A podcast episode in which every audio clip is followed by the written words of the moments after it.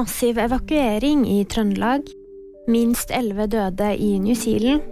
Og Tyrkia ber boligeiere gi husrom til jordskjelvofre.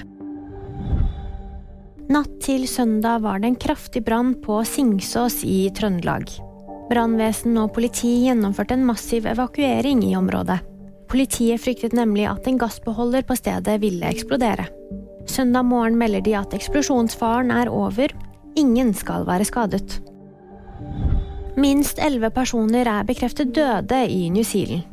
Tusener er fortsatt ikke gjort rede for etter syklonen Gabrielle. Den traff Nordøya 12. februar og beveget seg ned østkysten, der den medførte store ødeleggelser. Tyrkia ber boligeiere gi husrom til jordskjelvofre.